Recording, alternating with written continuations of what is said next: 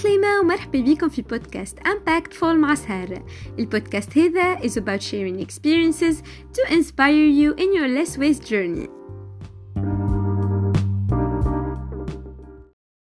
عسلامة ومرحبا بكم الناس الكل اليوم معنا مدام نيجي جندوبي دو نجا ناتور بونجور مدام Bonjour. Bonjour Sarah. Ça va Donc, euh, si, si vous pouvez euh, vous présenter. Alors, je m'appelle Nadia Gendoubi, je suis euh, styliste euh, spécialisée en éco-responsable. Et je suis, euh, je suis belgo-tunisienne et je suis revenue en Tunisie depuis le mois de juillet Parfait. dernier, il n'y a pas longtemps. Donc, euh, définitivement. euh, Bah, J'espère, Inch'Allah. Inch'Allah, oui. Parfait. Euh, et donc, euh, vous avez votre business euh, Naja Nature, c'est une marque que j'ai montée il y a 10 ans. Euh, c'est vrai que beaucoup ont l'impression que c'est une nouvelle marque, euh, Oui. euh, toute fraîche, mais en fait, c'est. euh, non, c'est une marque qui a déjà 10 ans, mais c'est vrai qu'il y a 10 ans, quand j'ai créé Nagel Nature, je voulais que ce soit une marque lifestyle, Oui. avec de la mode bio, éco-responsable, avec des accessoires de mode recyclés, avec euh, des produits zéro déchet, avec de la cosmétique naturelle, avec euh, de, de la déco. Et bon, c'est vrai qu'à l'époque, le zéro déchet et la mode éthique ou éco-responsable, ça n'intéressait pas grand monde. Oui. Donc j'ai dû vraiment m'accrocher. Jusqu'à, je suis venue en fait en Tunisie exprès une première fois en 2010 pour monter Nagel Nature. Euh, j'ai- je me suis accrochée jusqu'en 2015 et puis en 2015 je suis rentrée vivre en Belgique euh, pour euh, bien développer la marque là-bas avec des revendeurs. Enfin moi je suis moitié belge hein, donc euh, j'avais euh, voilà, plus d'opportunités là-bas. Et puis depuis le mois de juillet, euh, je suis revenue en sentant le vent tourner en Tunisie, en sentant qu'il y avait un nouveau souffle et Oui. qu'il y avait enfin une, nouvelle, une place nouvelle pour, pour une thématique comme, comme celle de ma marque. Oui. Euh, donc, pourquoi vous vous êtes lancé dans un projet écolo? Donc, euh, je trouve que l'écologie fait partie de votre identité. Oui, alors, euh, donc moi, comme je disais, je suis moitié belge. Donc Oui. en fait, je suis juste née en Tunisie. Mais je suis partie quand j'étais bébé. Tu as vé- vécu toute. euh, J'ai vécu toute ma vie en Belgique. Et donc, nous, quand on était enfant, on allait à l'école à vélo. Oui. Euh, mes parents, ils avaient un potager chez eux. À la maison, on avait le, le- le potager. Et puis, je me rappelle que je plantais des patates avec ma grand-mère. Je devais avoir Ouais. 5 ans. Euh, Bien. donc, euh, bon, il y avait ça. Y a, mes parents ont des bacs de récupération d'eau de pluie aussi. Euh, donc, euh, c'est vrai que j'ai grandi dans cette atmosphère avec un papa aussi qui est fou amoureux des, des animaux. Oui. Et donc, il y avait toujours des poules, des moutons au fond du jardin. Mon père s'éclatait aussi à, à, à, planter plein d'arbres du verger. Donc, on a toujours mangé les confitures du jardin. On a toujours, on a, on a grandi comme ça. Euh, et puis en Belgique, euh, très vite, il y a eu aussi l'obligation de trier ses déchets, euh, l'obligation de réduire son C'était par obligation en Belgique. En Belgique, la, la loi oblige, c'est-à-dire Oui, qu'on a un, un volume euh, par, par famille, on a droit à un certain nombre de sacs poubelles par an. Ah. Donc euh, c'est à toi de réduire tes déchets et de les tasser un maximum pour ne pas dépasser le nombre de sacs poubelles autorisés, sinon tu dois payer en plus des, des sacs. Alors, euh, vous, avez, vous avez fait le compostage aussi ou, ou pas? On a le compostage depuis longtemps chez mes parents, oui. Donc, bien. oui, oui. Donc ça a toujours été, euh, ça a toujours été quelque chose de naturel. Euh, et puis euh, vers l'âge, euh, enfin moi dès, dès l'âge de 5 ans j'étais au Baladin, ce qui c'est les petites sections des scouts. Après de 8 ans à 12 ans, avant les scouts, il y a, enfin il y a les scouts mais il y a le- l'équivalent, c'est des louveteaux. Donc nous, tous les samedis, on était en pleine nature. Une fois par an, on avait le camp euh, scout euh, 10 à 15 jours par an euh, où euh, on dormait en pleine nature, où on devait chercher un endroit où dormir, on devait chercher Du camping. du camping, qu'est-ce que qu'est-ce qu'on va manger, comment on va le préparer. Donc on avait un pharmacien qui de temps en temps venait nous donner des cours, des petits ateliers pour enfants, on était petits, hein, euh, sur euh, les champignons dans la nature. Vous connaissez la, la- valeur de la nature. Donc voilà, depuis petit. Et puis moi en plus j'ai grandi à la campagne. Mes parents ils habitent pas en ville en Belgique, ils habitent en, en race campagne. On est entouré de fermes et de châteaux. C'est vraiment tout ce qu'il y a autour Ouais. euh, de nous. Donc, euh, donc du coup, moi, ça a été vraiment mon, mes, mes influences. euh, ça a été, euh, et j'ai mixé ça parce que je suis aussi issue d'une lignée d'artisans de la mode en Belgique. Euh, mon mon grand-père était tailleur euh, couturier pour hommes. Euh, sa femme, ma grand-mère, elle était... euh, vos gènes. oui, oui, elle était, elle était culottière, euh, pantalonnière, donc elle était cou- couturière spécialisée dans les pantalons.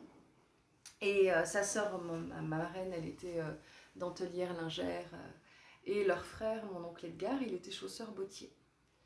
Donc après, euh, moi j'ai toujours, euh, en ayant en plus, euh, depuis, depuis toute jeune, d'abord j'ai commencé, j'ai fait le ballet. Puis après, adolescente, j'ai fait le- le- les arts scéniques, le- le- les arts de la parole et le théâtre.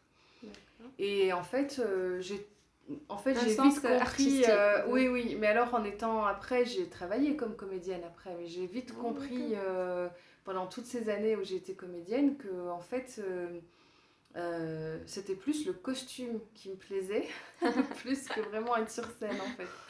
Donc, euh, en parallèle euh, de, du- de l'académie du conservatoire, j'avais fait les cours de mode, le- l'école de Stylisme. en Belgique. Et après, quand je suis devenue adulte, en fait, très vite, déjà j'ai fait mon premier défilé de mode hyper tôt, il y a 21 ans exactement. Local. Euh. Euh, merci. Et j'avais 17 ans seulement quand j'étais encore. euh, j'étais même, j'avais même pas encore fait, le, le bac en fait, que j'ai commencé à faire mon premier défilé. Mais euh, ma, ma grand-mère m'a énormément appris aussi. Elle, euh, elle m'a appris à faire un, un patron. Elle m'a. Vous elle- avez pratiqué le métier dès jeune âge. Avant, oui, oui, oui. Je crois que euh, la première fois qu'on m'a mise devant une machine à coudre, je devais avoir 8 ans. On apprenait à tricoter, on apprenait à crocheter, on apprenait à faire nos propres bougies, on apprenait à faire euh, nos savons. C'est pas compliqué parce qu'en Belgique, il pleut 300 jours par an.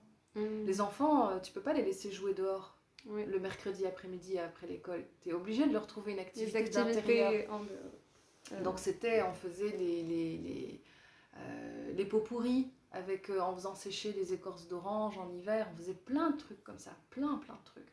Et je suis super contente parce que maintenant, quand, pour Nagène Nature, quand je fais des bou- bouquets de fleurs séchées, quand je fais mes bougies, quand je, fais, euh, quand je prépare les collections, je me dis, bah voilà, en fait, ça a vraiment une... euh, c'est une évidence par rapport à tout ce que j'ai vécu petite, en fait. Ça, ça fait tellement d'années que je fais ça que pour moi, c'est naturel.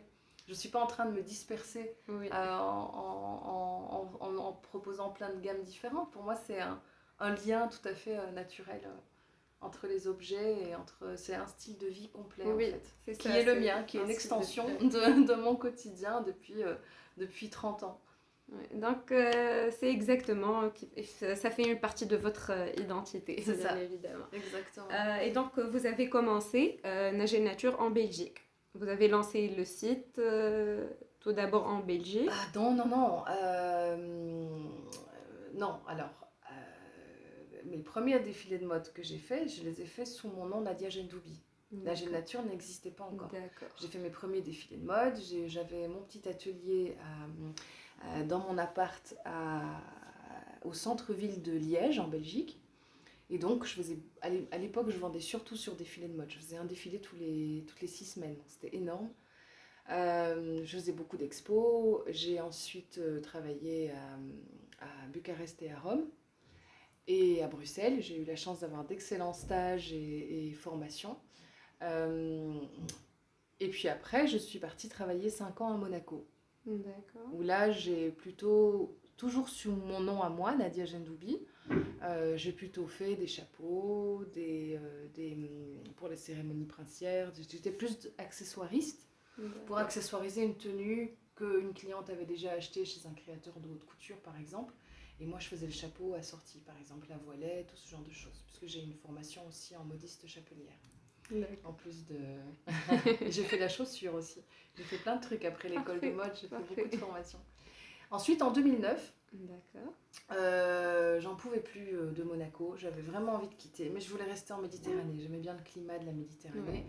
Et j'ai commencé à dessiner l'architecture d'une. euh, à imaginer une marque, en fait, euh, qui pourrait être plus que des produits, qui serait un lifestyle complet. D'accord. entre un style élégant, raffiné, mhm. mais qui soit en même temps écolo, éco-responsable, avec des matières certifiées bio, avec du recyclage. donc là, je me suis dit, où est-ce que je pourrais créer ce produit? Euh, je veux rester en Méditerranée, mais euh, bon, Monaco, je ne vais pas trouver des artisans facilement. Puis ça coûte très cher de s'établir.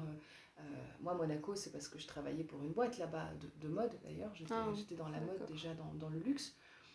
Mais, mais lancer mon projet toute seule, là, c'était autre chose. Oui, un défi. Et, ah oui, et donc, du coup, et je me suis dit, mais pourquoi pas la Tunisie? Au même moment, j'ai une grande amie monégasque qui est venue vivre ici en Tunisie qui en avait marre de Monaco, qui elle pourtant, elle, est de Monaco. Euh, oui. Mais, euh, elle, euh, elle, elle, est venue vivre ici et moi je suis venue en vacances chez elle. Elle me dit Mais regarde, tu pourrais faire ton projet ici. T'as vu comment on vit bien, c'est cool, c'est facile, il y a encore plein d'artisans ici, il y a encore plein de corps de métier. Et, et en effet, je me suis dit aussi Mais tiens, moi quand j'étais ado, le peu de fois qu'on venait en vacances en Tunisie, on venait une fois tous les 4-5 ans. Euh, mon père nous montrait Bousselem, Jendouba. Mm. J'ai très vite eu conscience que euh, tout le monde ne vivait pas comme à Carthage ou à la Marsa, dans toute la Tunisie. Et donc je me suis dit, bah, tiens, moi qui voulais absolument créer une marque qui soit à la fois éco-responsable, mais aussi avec une fabrication éthique, mm-hmm. Euh, des artisans, des petites PME familiales, sauvegarder les savoir-faire anciens, soutenir les personnes en précarité. Euh, je me suis dit, bah, tiens, en Tunisie, ça pourrait être bien. Et du coup, en, juillet 2010, j'ai débarqué en Tunisie pour monter Jeune Nature. D'accord, parfait. Euh, et à propos euh, ça, comment vous avez découvert qu'il y a du potentiel sur ce marché écolo en Tunisie? Parce que, dix ans en arrière, c'est pas comme aujourd'hui. Non, D'autant plus que quand j'ai enregistré ma patente, on m'a, on beaucoup, euh, ça a fait beaucoup rire à la maison, à la recette des finances. oui, j'imagine. Qu'est-ce que c'est que ce concept? On comprend rien du tout. Oui. euh, ils n'aiment pas l'innovation. non, puis surtout, moi, j'allais, euh, je, pense que j'avais pas utilisé les bons termes à l'époque. C'était quand même ah, euh, avant la Révolution. Donc j'étais venue en disant, voilà, je voudrais soutenir pour lutter contre la précarité et les injustices sociales, pour, euh, pour avoir un réel impact euh, écologique et tout. Donc c'était vraiment le ouh là là là là, qu'est-ce qu'elle nous raconte? Non, non, non, écoute, fais ce que tu veux, mais évite de parler de justice sociale, ah. d'égalité des chances. Surtout avant la révolution. Voilà, et donc en fait, j'avais pas maîtrisé, parce que moi j'avais jamais vécu en Tunisie avant, donc je, je savais que je savais la situation politique mais je n'avais pas maîtrisé l'ampleur en fait au niveau des mentalités. Euh, Exactement. je n'avais pas maîtrisé à quel point. Euh, c'est vraiment quand j'ai eu ça à la recette des finances, ils n'ont pas refusé, hein, ils ont enregistré ma patente, mais ils m'ont dit écoute, voilà, tu, tu, fais la mode, tu fais ce que tu veux, mais après. Euh, tes idéaux derrière, tes valeurs, etc., tu peux le faire cacher, quoi, mais évite de trop le dire. Et là, j'ai vraiment pris conscience du, de l'enjeu. Je me suis dit, ok, je pense que j'ai choisi le bon pays, il y a des choses à faire ici et en espérant que les gens un jour vont se réveiller et qu'il y aura. Et, voilà. Mais vous voyez le changement euh, maintenant. Oui, oui, oui. heureusement. Oui, oui, je vois le changement. En fait, en 2015, après, j'étais fatiguée. Je me disais, mais je me bats contre quoi au juste, en fait? Je, et, et pour qui? J'avais l'impression de faire de la politique tous les jours pour euh, faire entendre la voix des artisans, pour faire entendre les gens euh, parce que moi, je suis pas du tout une bourgeoise de la Marsa. Hein. je veux dire, euh, mon père vient de Séjoumi, de, de, il a, allez, comment, heureusement, il a réussi en Belgique. Il est devenu un brillant ingénieur. Il travaille dans plusieurs pays. Il, les, les comme on dit. il voilà, et grâce à lui, ben, j'ai eu euh, de la chance de faire, euh, à lui et à ma mère aussi, bien sûr, qui, qui, était entrepreneur aussi, elle. Euh, j'ai eu de la chance de, de faire des études, de voyager, d'être gâtée. Et puis quand je suis revenue ici, je me suis dit, voilà, c'est vrai que même dans ma propre famille, tout le monde n'a pas eu cette chance-là. Oui. et voilà, et moi, moi j'ai encore des cousins, j'ai encore toute la famille de mon père à, Sijoumi. Mon père est un enfant de El Melassine, en fait. Euh, donc, euh, il, euh, pour, pour, moi, ça a été vraiment comment, une, une évidence de, de...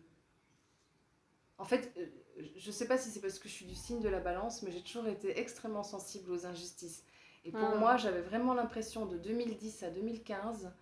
Euh, Vous alors, avez vécu des injustices euh, en Tunisie? Oui, alors euh, il y, a, y a une expression que j'aime beaucoup qui est un petit peu. Euh, ah, ouais, un peu, un peu, un peu hard. Mais, ouais, ouais. En Belgique, on dit faire pipi dans un violon. En fait, ça veut dire vraiment quand tu parles, tu parles, mais que personne ne t'écoute. Ah. Tu es là en train d'essayer de défendre une cause, d'essayer de, de, Mais vous voyez pas votre impact et votre... Rien du tout, les gens ils étaient là, mais je, voyais les gens acheter des collections, ils écoute, nous on achète parce qu'on trouve ça beau, on en a rien à foutre de comment ah, c'est fabriqué, de l'impact, etc. Et donc j'étais toujours découragée, je me disais mais c'est pas possible. Euh, et puis quand on a envie d'aider, il y a des artisans qui entubent aussi parce qu'ils voient que euh, le concept de commerce équitable n'était déjà pas très légiféré à l'époque. Euh, et puis, euh, dès que tu dis à un artisan ou à une couturière, bah voilà, avec moi tu seras mieux payé parce que mieux considéré, parce que je, je veux que tu aies une dignité dans ton travail, que tu aimes ce que tu fais. Pas juste être bien payé, mais juste est-ce que tu es heureuse. Moi, je, je, je, leur apprenais à faire plusieurs tâches différentes dans la même journée. Je récupérais des femmes qui, qui travaillait depuis 20 ans, ça fait 20 ans qu'elle faisait des poches de jeans. Elle ne faisait que ça depuis 20 ans, 8 heures par jour, des poches de jeans. Pour moi, je trouve ça super aliénant. Donc du coup, je leur apprenais à faire euh, Mais 3, le 4, 5 par tâches obligation pour euh, faire... C'est ça. Euh, et, et, en fait, très vite, je me suis aperçue que c'était... Ah, Nadia, elle est gentille. Si elle peut nous donner ça, elle peut nous donner encore plus. Donc je me faisais entuber à chaque fois. Et je me disais, hmm. mais pourquoi je me bats en fait? D'un côté, pour des consommateurs qui sont pas prêts à entendre le discours, et de l'autre côté, pour des artisans, surtout, c'était surtout pour, à la base pour les sortir de la précarité, qui, euh, qui me voient un peu comme le dindon de la farce en fait. Donc j'étais fatiguée de tout ça, j'étais triste. Euh, oui, parce qu'en plus moi je suis quand même moitié tunisienne, j'attendais beaucoup de ce pays.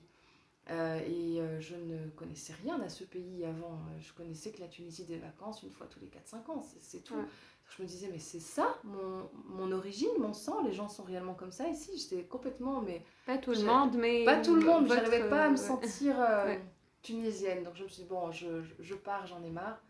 Et je suis partie en 2015. Je suis retournée en même temps, ça coïncidait avec un manque de la Belgique. J'avais vraiment très envie, c'était quand même plus, de dix ans que j'avais plus vécu en Belgique et j'avais ma famille qui me manquait, euh, mon pays qui me manquait, donc euh, le climat même froid du nord. donc du coup, euh, voilà, c'est aussi pour ça que je suis retournée. Et puis, puis en effet, j'ai senti, à un moment donné, je me suis dit, la Tunisie me manquait. Au bout d'un moment, je pense que c'est le problème de tous les binationaux quand tu vis un certain nombre d'années en Belgique, tu dis Ah, mais la Tunisie me manque, puis tu vis 4-5 ans en Tunisie, Ah, mais la Belgique me manque. Le mieux, c'est d'avoir un pied-à-terre entre les deux, euh, quand c'est possible.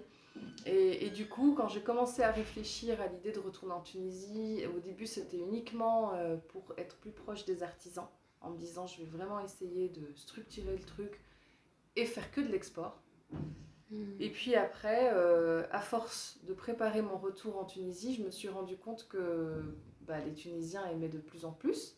Et pourquoi tu vends pas en Tunisie? Nous, on a envie d'acheter ça. Je dis, mais vous êtes sérieux? Maintenant, ça y est, vous avez envie euh, Bah ok, d'accord, je le ça fais. A changé au bout de quelques années, oui. Et après, je l'ai fait. Et c'est vrai que depuis euh, bah, le mois de juillet seulement, donc ça fait que quelques mois, et puis. Euh... J'étais l'une des, des, premières clientes. Oui, oui, exactement, exactement. Déjà, il y a eu des précommandes quand j'étais à Amsterdam pendant le confinement.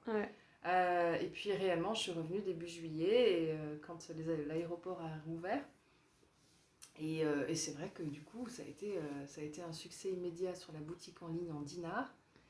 Et puis là, au mois de décembre, il y a vraiment eu le boost. Euh, le, boost. En fait, depuis le mois de septembre, j'ai commencé à faire quelques expos-ventes. Décembre, les marchés de Noël. Et là, j'ai vraiment un contact avec le public directement. Et là, je vois l'engouement euh, dingue. Plus les gens euh, me, me, tous les jours me, me, suggèrent des produits pourquoi tu crées pas ça? Pourquoi vous faites bien. pas ça? Le problème, c'est que je peux pas dire oui à tout le monde parce qu'à un moment donné, moi, j'ai ma liste de produits que je compte sortir. Bien sûr, oui. J'ai une liste de produits depuis plus d'un an. Votre stratégie. J'ai ma stratégie et il y a des nouveaux produits qui vont sortir, mais, mais Nature ne peut pas non plus être le supermarché du bio ou de. Il ne peut pas y avoir trop de produits non plus. Il faut vraiment des produits sélectionnés euh, qui vont avec l'image de la marque. Ouais. Donc, euh, à propos des produits, quels sont les produits phares que les Tunisiens achètent le plus de, de chez Naja Nature? Euh, les pailles en métal, et sans- les brosses à dents en, en bois. Euh, ça, c'est vraiment les deux gros produits phares. Ouais, en fait, c'est ce que j'ai acheté. Et puis il y a un- les serviettes hygiéniques qui rencontrent un, un excellent succès aussi Ouais. en Tunisie. Ouais. Et d'ailleurs, je viens de recevoir la culotte menstruelle. Parfait, on a terminé parfait. enfin de la. Parce qu'on ne le trouve pas facilement en Tunisie. Non, on ne la trouve pas du tout en Ouais. Tunisie. En fait, le peu d'ateliers qui fabriquent la culotte menstruelle fabriquent pour l'exportation pour les marques françaises et ne vendent pas du tout en Tunisie. Donc euh, là, en fait, euh, là, moi, je viens de la recevoir. On passe au shooting euh, dans les prochains jours et elle va être commercialisée euh, normalement Donc, fin du mois. C'est un scoop Très- pour. très exactement un scoop spécial, absolument, absolument. Ça va être un, un très beau projet parce que bon, déjà comme les serviettes hygiéniques, on en- quand on en vend une, on en offre une à une jeune fille en situation de précarité menstruelle. Euh, parce qu'il y a beaucoup de jeunes filles en Ouais. Tunisie, malheureusement c'est pas qu'en Tunisie, mais bon, nous on Ouais. est ici donc on va aider ici, euh, qui, euh, qui ratent les cours parce qu'elles n'ont pas de protection et qu'elles ont honte, euh, donc elles peuvent pas aller en cours quand elles ont leurs règles. Donc là c'est pas possible quand on se bat pour l'égalité des chances dans une marque comme la mienne, on peut pas, on peut pas laisser passer ça. Oui. J'adore Future is vous- female. oui, donc, exactement. donc du coup, pour la culotte, ce sera pareil. Ce sera après trois culottes achetées, on en offrira une. D'accord. J'adore le concept euh, écologique et social euh, en même temps. C'est Ouais. génial. Bravo. Merci. Et on a aussi euh, d'ailleurs euh, 5% des bénéfices qui sont reversés euh, là cette année à- aux victimes de l'explosion à Beyrouth. Parfait, c'est génial. Ouais. J'ai vécu l'année dernière au Liban et pour moi euh, c'est une façon de maintenir un, un pied dans ce pays euh, que j'adore, dont je suis Mm. vraiment follement amoureuse. J'adore le Liban. Et, euh, et du coup, j'avais pas envie de n'aider que la Tunisie. On l'a fait pendant des années. Euh, et là, je me suis dit, voilà, ça serait, ça serait chouette euh, de, pour la Tunisie d'avoir euh, la lutte contre la précarité menstruelle et puis ensuite les 5% de bénéfices, les reverser ailleurs qu'en Tunisie, euh, Ouais. en tout cas cette année. Dans un pays qui vous avez touché. euh, Oui, qui m'a touchée et qui fait sens dans ma vie personnelle. Qui, euh, Ouais. Parfait, parfait. Euh, donc, parlons ma- maintenant un peu de, des associations et des organisations. Donc, vous avez participé au webinaire de Zero Waste Tunisia tout au long de l'année 2020. C'est ça? Oui. Donc, si- Alors, c'est si pas, pas tout à fait les webinaires de Zero Waste Tunisia. C'est euh, Zero Waste Tunisia euh, avec Insaf Ben Rehouma, qui est Mhm. derrière l'association, qui est la présidente, D'accord, qui est une de mes copines, d'accord. avec euh, une autre copine, Myriam Marjoub, qui, est, qui a géré du Mes déchets pour vous. Et toutes les trois, un jour, on s'est dit pourquoi on ne ferait pas un webinaire? D'accord. spécial confinement. Donc on en a fait un. Général sur tout le zéro waste. On s'est rendu compte qu'il y avait tellement de, de choses à dire dans ce thème-là qu'on s'est dit, toutes les trois, euh, on en discutait sur WhatsApp. hein. Moi j'étais à Amsterdam à ce moment-là. On s'est dit, mais comment on pourrait faire? Dire, ah ben tiens les filles, euh, vous n'avez pas envie qu'on fasse un truc une fois par mois, toutes les trois ensemble? Mm. Donc c'est pas les webinaires de, de Zero Waste Tunisia, c'est c'est une organisation une, commune et une idée commune. Ouais. On l'a créé toutes les trois le webinaire, on a eu toutes les trois l'envie de le faire. Mais euh, sur la page de... Pour le moment, c'est sur la page Zero Waste D'accord. Tunisia. On est en train de se demander là maintenant euh, comment, on- que- allez, euh, si on, on- on- peut-être, on va peut-être faire un, un autre projet commun euh, qui soit neutre à nos trois organisations, moi Nagel Nature, Zero Waste Tunisia et Gérer du mes déchets pour vous. Euh, pour pas justement qu'il y ait de confusion, parce qu'il y a des gens qui pensent que ce sont des webinaires créés par Nagel Nature, il y en a d'autres qui pensent que ce sont des webinaires de Zero Waste Tunisia, d'autres qui moi. pensent que voilà. Donc euh, il y en a d'autres qui pensent que ce sont les webinaires de Myriam Marjoub. Donc pour éviter ça, en fait, on va peut-être faire euh, une quatrième structure vraiment neutre, avec un nom complètement différent. On ne sait pas encore, ça, oui, si, on Mm. verra euh, comment on va organiser ça. Euh, et comment vous, vous décrivez cette expérience de, de webinaire? Vous avez trouvé que les, Tuni- les Tunisiens étaient vraiment intéressés par euh, ces thèmes-là et Oui, le oui, sujet de euh, l'écologie? Ça, ça marche euh, très très bien, Euh, on, est, on est très contente, on est très surprise aussi. Ouais. Euh, parce que, euh, bah, comme je te dis au début, euh, à la base, il s'agissait de ne faire qu'un seul webinaire. Il ne s'agissait pas de faire tous les mois. Ouais. Donc après, on a commencé à faire tous les mois, on a vu qu'on avait de plus en plus d'engouement. Un succès, c'était un Euh, succès. C'était un succès. Et euh, un succès aussi bien. euh, alors, c'est pas tant au niveau du live, parce qu'on n'a pas encore euh, réellement vu le- le- les horaires que les gens préféraient. Mais en tout cas, on sait qu'on est énormément suivi par la suite. Les gens regardent en différé. Ils regardent le live qui est, en- qui est enregistré, ils le regardent par la suite. Et, euh, et euh, ça marche d'autant plus quand on en reçoit des invités aussi Ouais. on voit, il y a quand même des thèmes euh, qui sortent plus que d'autres. Il y a des thèmes que les gens vraiment attendent.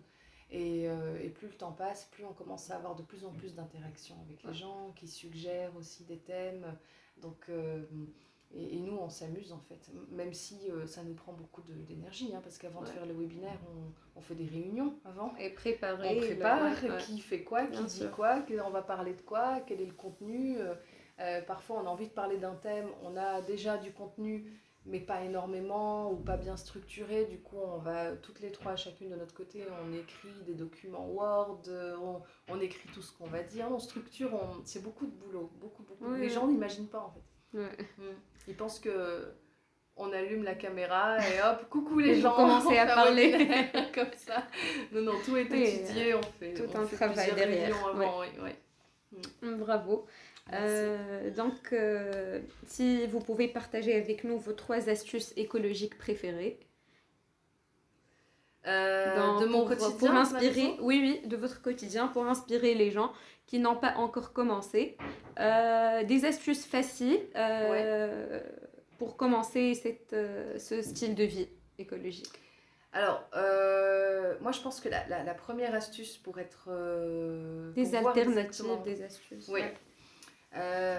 Oui, des alternatives. Alors, avant de savoir quelle- vers quelle alternative on va se tourner, il faut savoir quel genre de déchets on fait. D'accord, le tri, c'est ça. Voilà. Donc, Trier. trier ces déchets, ça va permettre d'avoir un réel diagnostic des poubelles. Se dire, euh, si je mets dans une poubelle tout le carton, dans une autre poubelle tout le plastique, je peux facilement évaluer très vite est-ce que je fais plus de déchets plastiques Ouais. ou plus de carton? Donc, euh, plus déchets plastiques, est-ce que je fais euh, plus de bouteilles que de petites pochettes en plastique, que de petites barquettes, etc.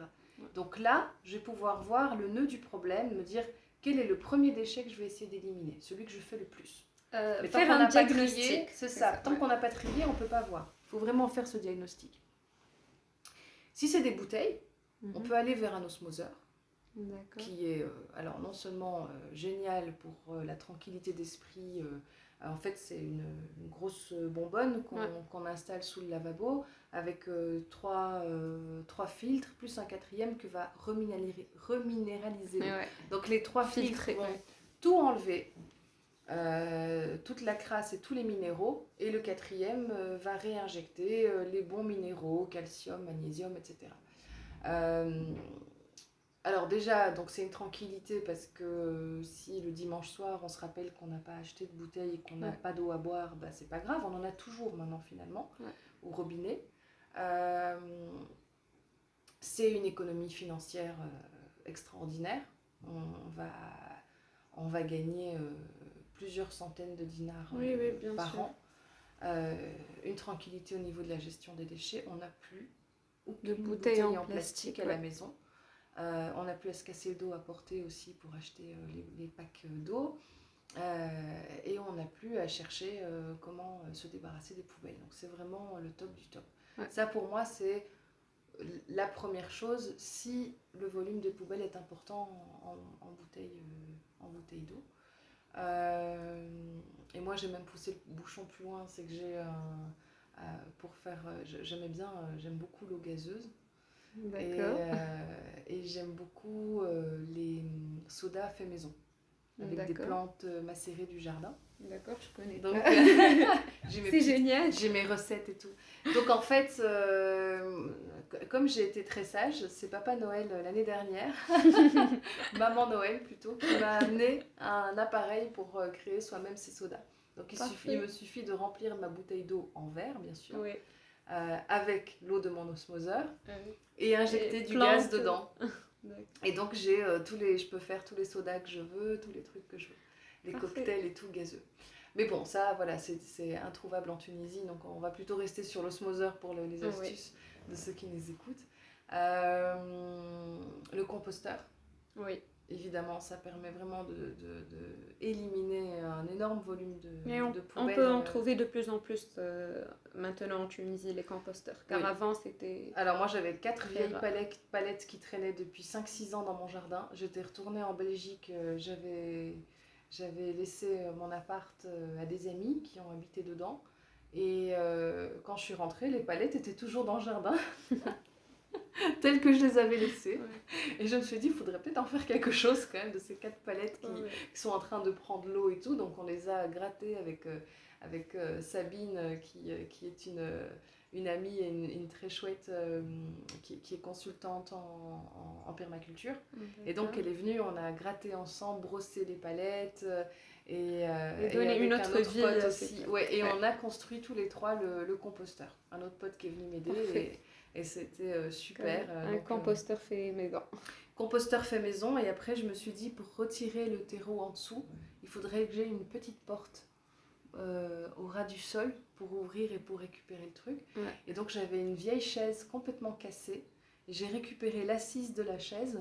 J'avais dans mon, ma buanderie, j'avais des, hum, des charnières je sais même pas de comment j'avais des charnières quelque part chez moi. On a toujours des trucs au fond du garage, on a toujours des, des, des, vieilles Qu'on ne jette pas. Qu'on ne jette pas, on se dit on ne sait jamais et ça encombre et c'est énervant.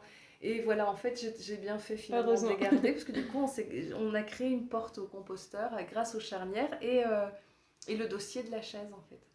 Parfait. Tout est, tout est bien euh, peint en blanc maintenant, donc on voit plus les différences de bois, on voit plus on a l'impression que c'est un vrai, c'est un vrai beau composteur en fait. Il est vraiment top. Parfait. Mm. Euh, donc euh, c'est, c'est ça pour les Pour moi c'est euh, oui les bouteilles et le composteur déjà c'est pas mal. Après c'est vrai que j'ai des petites astuces au quotidien qui font rire mes amis. qui, qui m'appellent Pépé, Mémé. ça arrive aussi. Donc par exemple les mouchoirs en tissu. Je ne me mouche pas dans les mouchoirs. D'accord. Oui, exactement. Ce, sont des astuces de, grand-mère, mais qui sont utiles. Et franchement, je les ai payées 300 et quelques millimètres euh, à la fripe. Hein. J'en ai acheté une volée. Et, euh, et je, je, les adore. Ils sont super beaux. Euh, je suis très contente. après, bien sûr, avoir le, fameux tote bag. Oh, pour en revenir aux mouchoirs en papier, moi je suis quelqu'un qui fait des rhinites allergiques et qui se, qui se sont réellement énormément calmés depuis que je suis passée au mouchoir en tissu. Donc c'est écologique et, c'est bien pour votre santé. Et moi, c'est mon père qui me disait ça depuis des années et je le croyais pas. Il me disait euh, mais j'ai l'impression que la cellulose dans les mouchoirs en papier, ça doit pas aider ton allergie. Je lui dis, mais non, ça n'a rien à voir, c'est une allergie à la poussière, aux graminées, ça n'a rien à voir avec la cellulose du papier. Et en fait, euh, je lui ai dit après, mais c'était pas bête ce que tu me disais, papa. Parce qu'en effet, depuis que je suis passée au mouchoir en, tissu, euh, j'éternue beaucoup moins, j'ai beaucoup moins de problèmes d'allergie, donc euh, je pense qu'en effet, c'est vraiment lié. Donc ça, je ne peux que conseiller d'essayer, surtout pour les personnes qui ont, qui ont le nez sensible, les, les sinus sensibles, c'est vrai que euh, voilà, c'est pas, pas plus dégueulasse, euh, honnêtement. On le lave, même en période de Covid, les gens ont peur en disant mais t'es folle, c'est mieux du, jetable. Non, non. Euh, on, a, on a eu plein d'autres épidémies avant le Covid et nos ancêtres utilisaient du coton. C'était pas. Ça, ça allait, ça va. Faut pas exagérer. Euh, d'accord. Après, il y a tellement d'autres astuces, mais tu m'as dit trois maximum. Trois par invité, mais si vous voulez parler encore une. non, vraiment, j'en ai. Euh, ouais, je, je sais pas. Euh, euh, avant de. Je sais qu'il y a une facilité aujourd'hui aussi. J'ai failli tomber dans ce travers d'ailleurs parce que je travaille énormément, plus de 15 heures par jour. Et c'est souvent la facilité. Je suis crevée, j'ai pas envie de cuisiner je vais prendre à emporter, ou je vais euh, prendre euh, livraison à domicile, ou euh, je vais cuisiner vite fait un plat de pâtes, autre chose. Mais regardez d'abord ce qu'il y a dans le frigo. Ouais. Triez votre frigo. Apprenez à ranger le frigo. Et achetez le nécessaire en plus. Achetez le nécessaire, mais des fois, juste, vous avez un reste d'un plat de la veille, vous avez peut-être pas envie de manger encore la même chose. Ouais. Donc vous vous dites, euh, tant pis pour ce plat-là, je vais faire un nouveau plat. Mais peut-être que le plat de la veille, vous pouvez le transformer en un nouveau plat. Exactement. En le mixant, il n'y a rien de plus facile. Euh, de, des fois, des trucs, euh, des, bouts de frites qui, qui, sont mixés et vous pouvez le mettre dans des feuilles de briques, par exemple, et faire des doigts de Fatma. des trucs, vous pouvez faire vraiment de tout. une quiche avec les restes de toute la semaine. D'ailleurs, la quiche, à la base, c'était ça. Hein peut-être pas la quiche lorraine, un peu, euh, mais, euh, mais voilà, il y a plein, même nous en Belgique, je vois plein de familles qui font en fin de semaine une belle, faut bonne faire. tarte salée avec tout le reste de ce qu'il y a dans, dans, le frigo, tous les restes de la semaine, ils mélangent tout ensemble et hop, ils font une quiche et c'est très très bon. C'est bien, oui, il mm. faut, il faut vraiment, vraiment le faire. D'abord vider le frigo, d'abord vider le frigo, parce que c'est euh, la façon dont on gère son frigo, on gère ses émotions. Avant d'en acheter plus, il faut... Exactement. C'est pas juste un frigo, c'est une symbolique de, notre corps émotionnel, le frigo. C'est vraiment une, symbolique clé de la maison. Euh, on vide le frigo. On, tout ce qui n'est pas euh, nécessaire, c'est-à-dire qu'on on, utilise en premier. On fait une bonne gestion des déchets comme ça en ne créant pas le déchet justement en amont. Exactement. On nettoie son frigo avec du vinaigre et avant de remettre de la nouvelle euh, nourriture dedans. Tout comme on laisse passer une émotion avant d'accueillir une nouvelle émotion. Healing. Fait, euh, voilà, exactement. Mais c'est vraiment ça. Il y a, y, a, y a, plein de, de psy, il y a des coachs de vie qui disent, euh, je ne sais pas si ça se fait en Tunisie, mais en Europe, j'ai entendu ça des tas de fois, ouvre ton frigo, je te dirai qui tu es. Ah Parce que la façon dont on range son frigo, il euh, y a des gens maniaques dévoile comme moi. ta personnalité. C'est ça, ils dévoilent vraiment la personnalité. Moi, j'ai tout compartimenté euh, par étage. Ouais. Je ne supporte pas si les tu produits laitiers, les produits. Je n'ai pas de produits laitiers dans, dans mon frigo. Ah. Mais euh, je suis pas végane, hein, mais je suis allergique au lactose, donc pour ah, moi c'est un truc qui n'a jamais. Mais je, je, je, vais donner un exemple. mais par exemple, je supporte pas si je vais euh, chez une copine et j'ouvre son frigo, je vois un pot de yaourt en haut et un autre pot de yaourt en bas. Ça me, ça vraiment, ça me perturbe. Ça, mais vraiment, ça va pas m'énerver, mais ça me perturbe. pourquoi on ne les met pas tous ensemble Un truc, euh, c'est très, pour moi, c'est vraiment. Euh, oui, j'aime bien un frigo bien rangé et bien propre. J'aime bien. Et donc, du coup, euh, il faut, avant de faire les courses, j'ai besoin de finir tout le frigo pour pouvoir le nettoyer avant d'accueillir les nouvelles courses. Donc, toutes les semaines, mon frigo est, nettoyé. Parfait, parfait. Donc, euh, avec toutes ces astuces-là, toutes ces astuces, vous croyez en la magie des petits pas euh, et qu'ils peuvent faire une différence euh, parce qu'ils finissent par créer des habitudes. Commencer euh, petit à petit, des petites habitudes. Exactement. Alors, le cerveau, il a besoin quand même de minimum un mois avant qu'une que nouvelle habitude soit instaurée. Si vous vous lancez dans une nouvelle habitude et que une semaine après, vous voulez mettre une deuxième nouvelle habitude. Votre cerveau, inconsciemment, n'a pas encore intégré la première. Donc, vous allez lâcher une des deux. Et donc, vous allez vous décourager.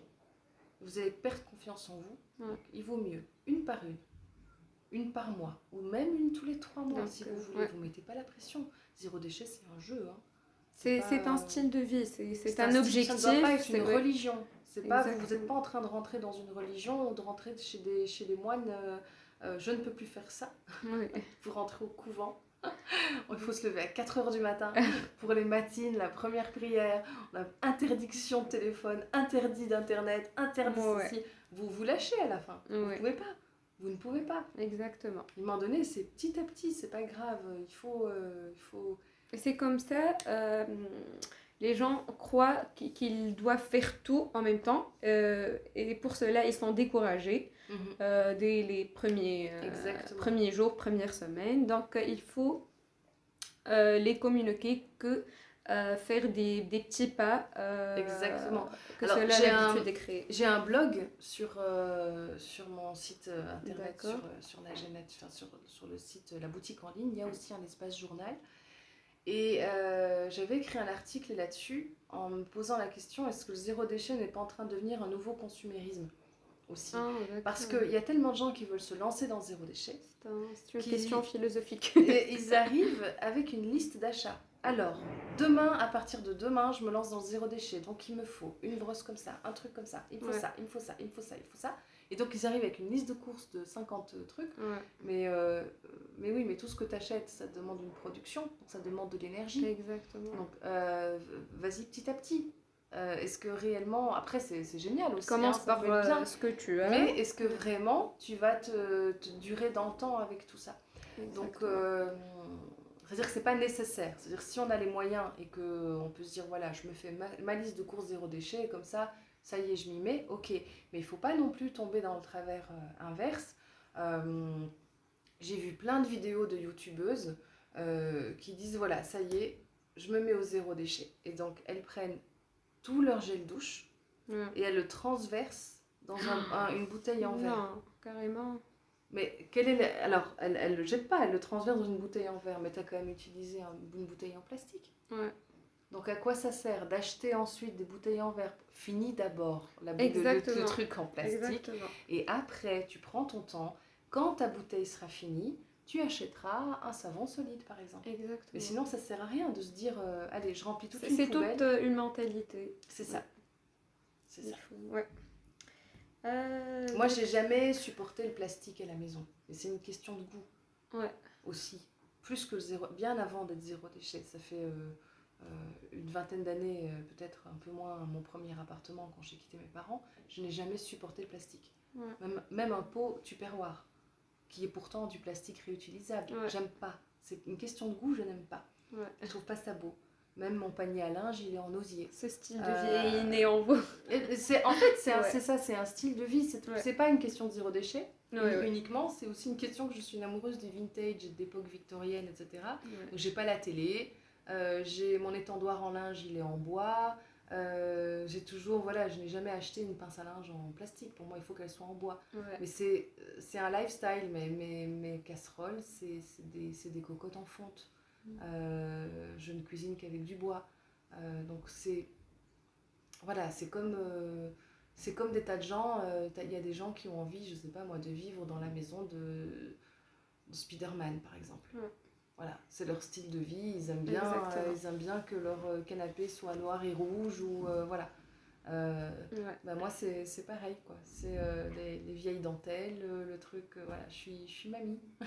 J'a- J'assume complètement. Mamie revisitée. Donc du coup, voilà, donc du coup, c'est vrai que même mes recettes de cuisine, même les- tout ce que je fais au quotidien, je suis peut-être pas née dans la bonne époque en fait. Ouais. Donc plutôt que de me lamenter, de me dire oh j'aurais pas dû euh, naître au début des années 80, moi mon époque c'est plutôt euh, 1900 machin. euh, et ben euh, je m'offre cette vie là tous les jours, mais euh, avec ce qui m'arrange aussi, le Ouais. confort. Hein, je fais je fais pas mon linge à la main, hein, euh, je- j'ai une machine donc euh, j'ai pas de lave-vaisselle mais j'ai une machine euh, à laver.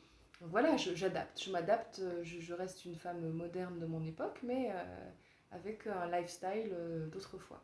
Ouais, parfait, parfait. Et donc, euh, pour euh, finir euh, en beauté, si vous avez un, un- un dernier mot pour notre community. Mais je suis Pour les très, encourager, très pour, très fière déjà d'eux et de leur, de leur démarche. Rien que, même s'ils n'ont pas encore fait une seule démarche zéro déchet, ils s'y intéressent. Ça, c'est déjà le premier pas. Exactement, exactement. Moi, J'y pensais. d'y Ouais. penser déjà. Alors, moi, je les invite à se féliciter eux-mêmes s'ils font le moindre petit truc. Si même c'est pas une habitude au quotidien, mais juste pour un jour. Moi, je pratique euh, beaucoup le, Reiki. Et dans le Reiki, on dit toujours juste pour aujourd'hui. Euh, si juste pour aujourd'hui, euh, ils n'ont pas produit de déchets. Juste aujourd'hui. ni hier, pas hier, pas demain. Juste aujourd'hui, ils ont ramassé un déchet. Ou ils se sont dit, tiens, aujourd'hui, j'ai pas pris le gobelet de café, j'ai pris plutôt une tasse. Ouais. J'ai pas pris du de jetable. chez moi. Ouais. Rien que ça, si même c'est un détail dans une journée et qui ne vont pas le refaire demain, ouais. félicitez-vous le soir. Dites-vous, ah c'est chouette, aujourd'hui j'ai fait un truc zéro déchet. Peut-être que demain je vais pas tenir, peut-être que demain je vais refaire un déchet. C'est pas grave.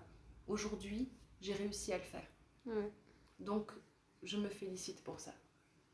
Parfait, euh, merci pour euh, vos mots et cette euh, discussion très enrichissante. Merci beaucoup. Ou, merci à votre invitation.